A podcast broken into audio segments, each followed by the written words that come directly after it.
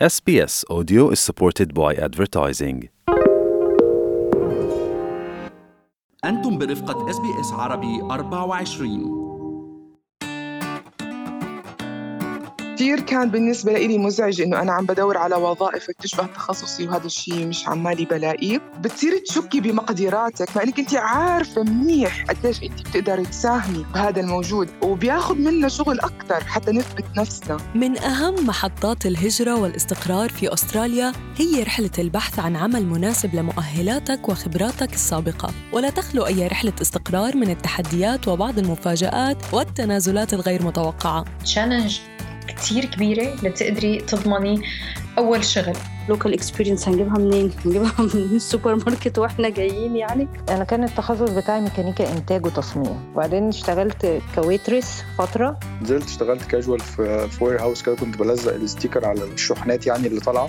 لقيت مركز بس للأسف المركز استغلني وخلاني أدفع مصاري لحتى أعمل تدريب. وبالرغم من صعوبة إيجاد فرصة العمل المناسبة في أستراليا للمهاجر هناك الكثير من المميزات للعمل فيها. أهمها كرامة الموظف واحترام الناس له مهما كانت وظيفته. عكس تماما من دولنا العربية.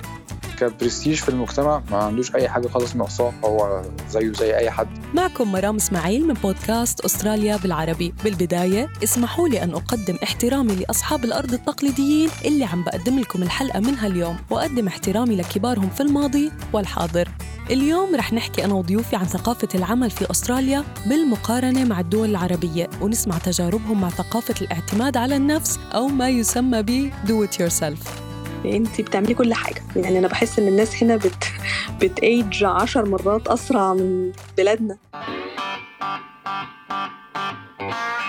من أولى مراحل التقدم على وظيفة في أستراليا هي تقديم طلب للحصول على مقابلة وهي المرحلة التي تحبط العديد من المتقدمين خصوصاً المهاجرين الجدد اللي لسه عم بيحاولوا الدخول إلى سوق العمل بدون خبرة سابقة في أستراليا. هو بيعمل interview للشخص اللي هو شايف إن هو هيشغله ولا بيضيع وقتك ولا بيضيع وقته.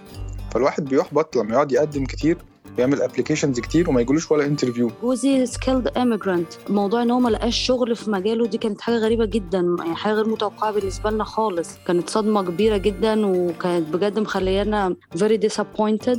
إن يعني أنت إزاي جايبنا وجايبنا على الولاية دي بالذات علشان المفروض إن أنتم محتاجين الوظيفة ديت. قعدنا سنتين مش لاقي شغل خالص. في المجال بتاعه. طبعا نحن جايين يعني جايين بشهادات وعاملين كورسات وبالنسبة إلي أو أو لزوجي يعني نفس الشيء. صدمنا أول فترة إنه خصوصي لما مثلا بتطلعي على جوب ديسكريبشن على الوصف العمل بتلاقي إنه أنا بقدر أسوي كل هدول وأنا عندي كل المؤهلات حتى مثلا أحيانا بيكون مذكور إنه إذا عنده عنده الواحد لغة ثانية أو مثلا يفضل إنه بيحكي عربي فإنه بتحسي إنه أنا بحقق كل المواصفات. وبتنصدمي مثلا إنه لا ما بيجي القبول. أو مثلا إنهم ينتبهوا إنه اسمك إثني زيادة عن اللزوم زي اسمي أنا إيمان الدسوقي. مثلا أولها بتحسي إنه طيب أنا ليش عم بيحكوا معي وليش راحوا مثلا مع مارغريت جونز ولا أي اسم أبيض. يوم حضرت seminar عن التوظيف والناس في ال seminar لقيتهم بيقولوا إن ال recruiters يعني بيبصوا على ال emails الاسم اللي يقدر ينطقه بيختاروا اللي ما بيعرفش ينطقه بيسيبه.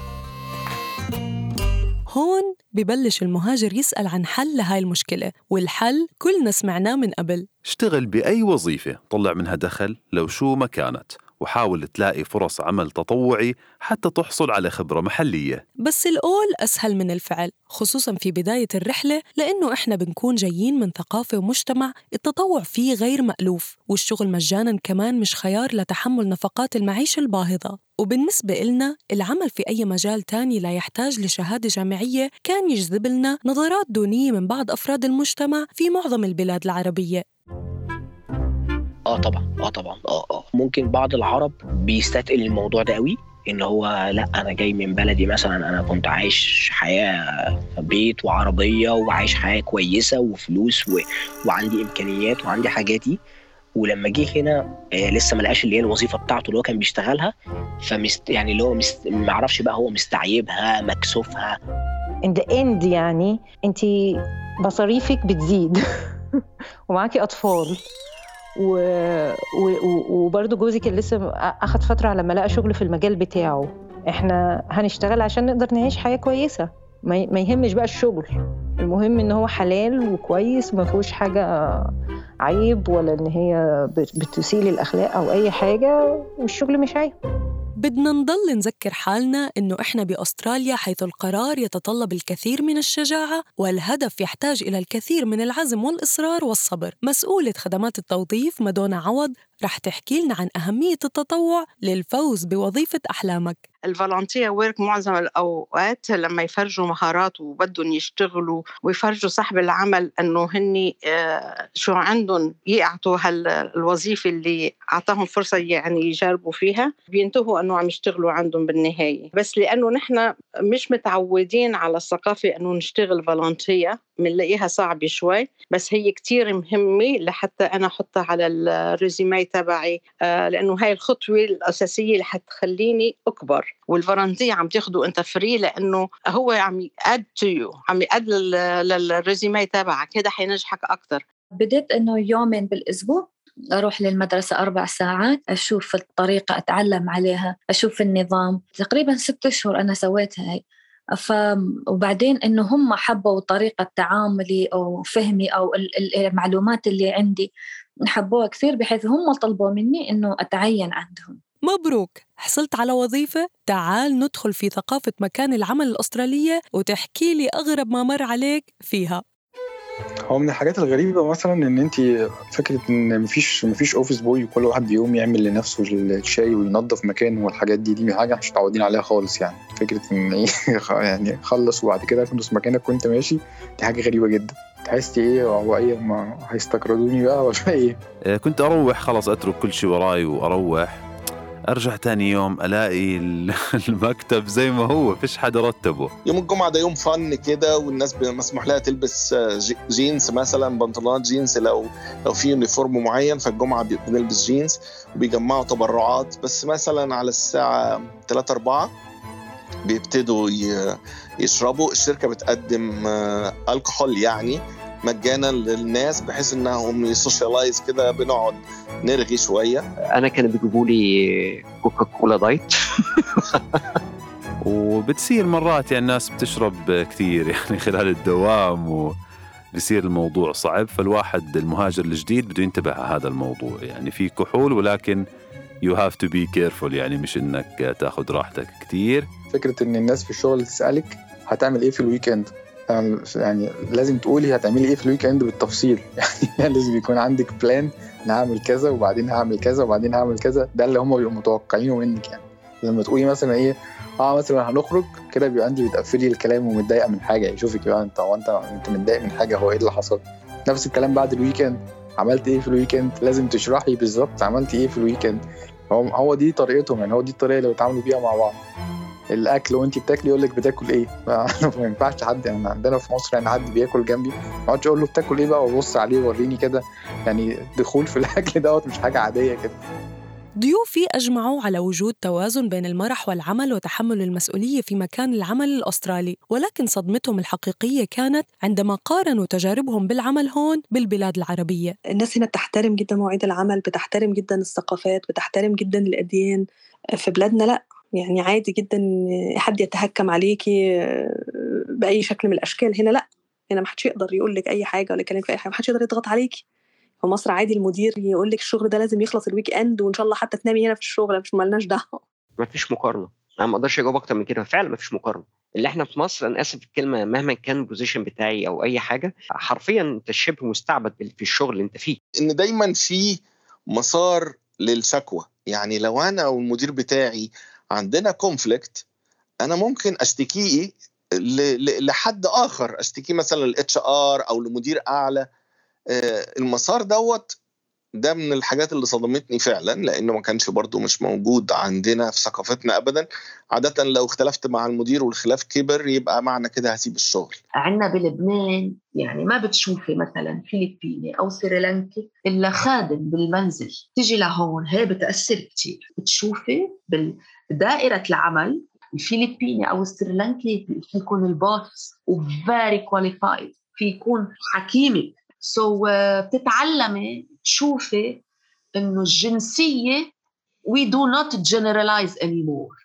في أستراليا بدك تكون شوي مرن ومنفتح لتقديم المساعدة قدر الإمكان وعليك مسؤولية لحماية نفسك والآخرين من أي أذى. ويوفر قانون العمل الأسترالي في المقابل حماية عامة شاملة من التعرض لمعاملة سيئة ونظام شامل للصحة والسلامة المهنية. هلا أنا عملي بصناعة الحديد هو عمل يعني فيه كثير من المخاطر وبتطلب إنك تستخدمي وسائل الحماية بشكل درجة قصوى، هذا الشيء أنا أول ما اجيت على استراليا وبلشت بالعمل هذا لقيت في اختلاف جذري ما بين ثقافتنا وما بين هون بأستراليا. اول يوم إنه بلشوا كورسات إنه كيف تستعمل هاي الأدوات شو تلبس لما تستعمل هاي الأدوات فلقيت صعوبة. مو بس علشان ما اذي نفسي طبعا بالمرتبة بالمرتبة الأولى عشان ما اذي نفسي واذي الآخرين، المرتبه الثانية عشان ما أفقد عملي كمان. ومن أجمل العادات الأسترالية اللي أدمنها ضيوفي في مكان العمل هي شرب القهوة، وبيعتقد حوالي 81% من العاملين الأستراليين إنه القهوة بتلعب دور رئيسي في تشجيع العلاقات المهنية والاجتماعية وتكوينها بين الزملاء.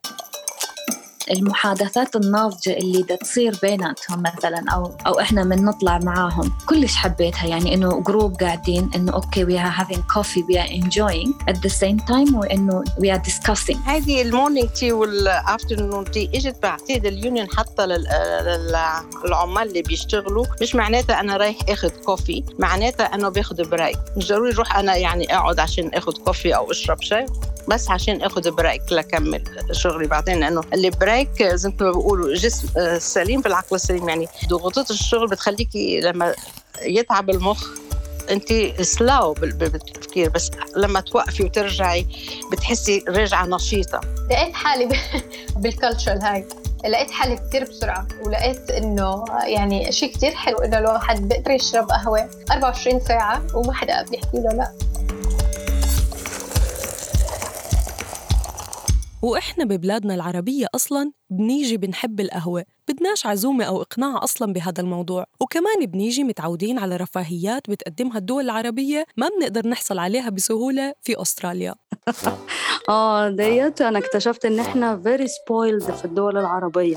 دلوقتي اللي الواحد بيعمله في البيت مش مصدقة. يعني عشان بسبب إن الحاجات هنا غالية جدا الأيدي العاملة اللي هو ال handyman والحاجات ديت غاليين جدا. فده اجبرني يعني مثلا لقيت الحوض مسدود أروح أقول لهم في بانينجز أحكي لهم القصة يروحوا قايلين لي آه إحنا عندنا مش عارفه ال powder دي. دهنت البيت ومن جوه وحطيت أرضية للحمام وعملت المطبخ وحطيت أرضية للطرقة. هنا دخلت أي حد عليك البيت مجرد بس يجي كده يقول السلام عليكم أنا جيت فيها 500 دولار. فالواحد بيتعلم الأدب بقى. تشوف كل حاجة بتعملها لنفسك وتتعلمها بقى تفتح يوتيوب تشوف دي بتتعمل إزاي وتقعد تعمل فيها. من أول بقى صيانة ال backyard. لحد أي حاجة بقى جوه البيت. يعني الواحد كان بيفضل يجمع مثلا في الحاجات في مصر ويقول إيه خلاص أنت خلي خليها تتجمع مثلا حاجة الكهرباء ويروح جايب مرة واحدة كهرباء يخلص كل حاجة. تجيب سباك يعمل مش عارف إيه. هنا بقى أنت بتفتحي أنت البلاعة وتبصي جوه هو إيه اللي سددها لأنك عارفة يعني لو جبتي حد يعملها الموضوع هيبقى فيه تعويرة جامدة يعني. وهذا بياخدنا لموضوع كتير مهم. إنه العاملين في قطاع المهن الحرفية في أستراليا إلهم مركزهم واحترامهم ووضعهم وهم أصلاً من أكبر القوى المحركة للنظام الاقتصادي في البلد. اللي بيشتغل بال city council بيجي بشيل ال rubbish. يعني وظيفته مهمة مثل وظيفة مثلا الوزير هون. لأنه نحن بنكمل بعض وبنحترم بعضنا كإنسان مش بال... بال... بالوظيفة أو بال title اللي بناخده. احترمت هذا الشيء هواية. لأن آني هندي تطريز وحياكة وهاي أول ما بديت شغلي يعني. كنت يعني بشتغل برخصة تراب يعني. فلما اجيت هون وشفتهم إنهم يقدرون هذا الشيء ويحترمونه كثير كبر عندي وكثير افتخرت بنفسي إنه أنا بشتغل هذا الشغل. فمثلا مثلا أنا بشتغل شيف هلأ كمان. يعني أنا coaching وشيف بالدول العربية لما تقولي لهم إنه شيف بيستهزئوا بهذا الشيء بس هون شيف بيندفع له باليوم 300 400 دولار عادي يعني easy نحن عنا اللي بيشتغل بالعمار إنه شو عامل شو يي عيب الشوم أو إنه حرام شخص بسيط نحن بننظر له لهالإنسان. إجيت لهون اطلعت لقيت إنه مهندسين شباب مخرجين جامعات عم بيروحوا يشتغلوا بالعمار بالكونستراكشن معه الراتب الاحترام يعني حتى لدرجة إنه إذا في عم بتنفنف الدنيا شتي نتفة بيوقفوهم عن الشغل وقابضين النهار كامل. لهيك أغلب الشباب اللي عم تيجي لهون عم بيتوجهوا لهالاعمال هيدي. وأخيرا وبما إنه عم نحكي عن المهن وقيمتها في أستراليا هناك مساحة مهنية ساحرة خاصة بسكان أستراليا الأصليين اللي توارثتها أجيالهم عبر الزمن. من المهم إنك تعرف إنه قطاع الفنون البصرية والحرف اليدوية يعود بفوائد اقتصادية واجتماعية وثقافية كبيرة على المجتمع الأسترالي والدول الأوسع. وفنونهم تعتبر من أهم الهدايا الثقافية اللي بتقدمها أستراليا للعالم. كنت معكم مرام إسماعيل من بودكاست أستراليا بالعربي. اسمعونا بحلقة جديدة الأسبوع المقبل.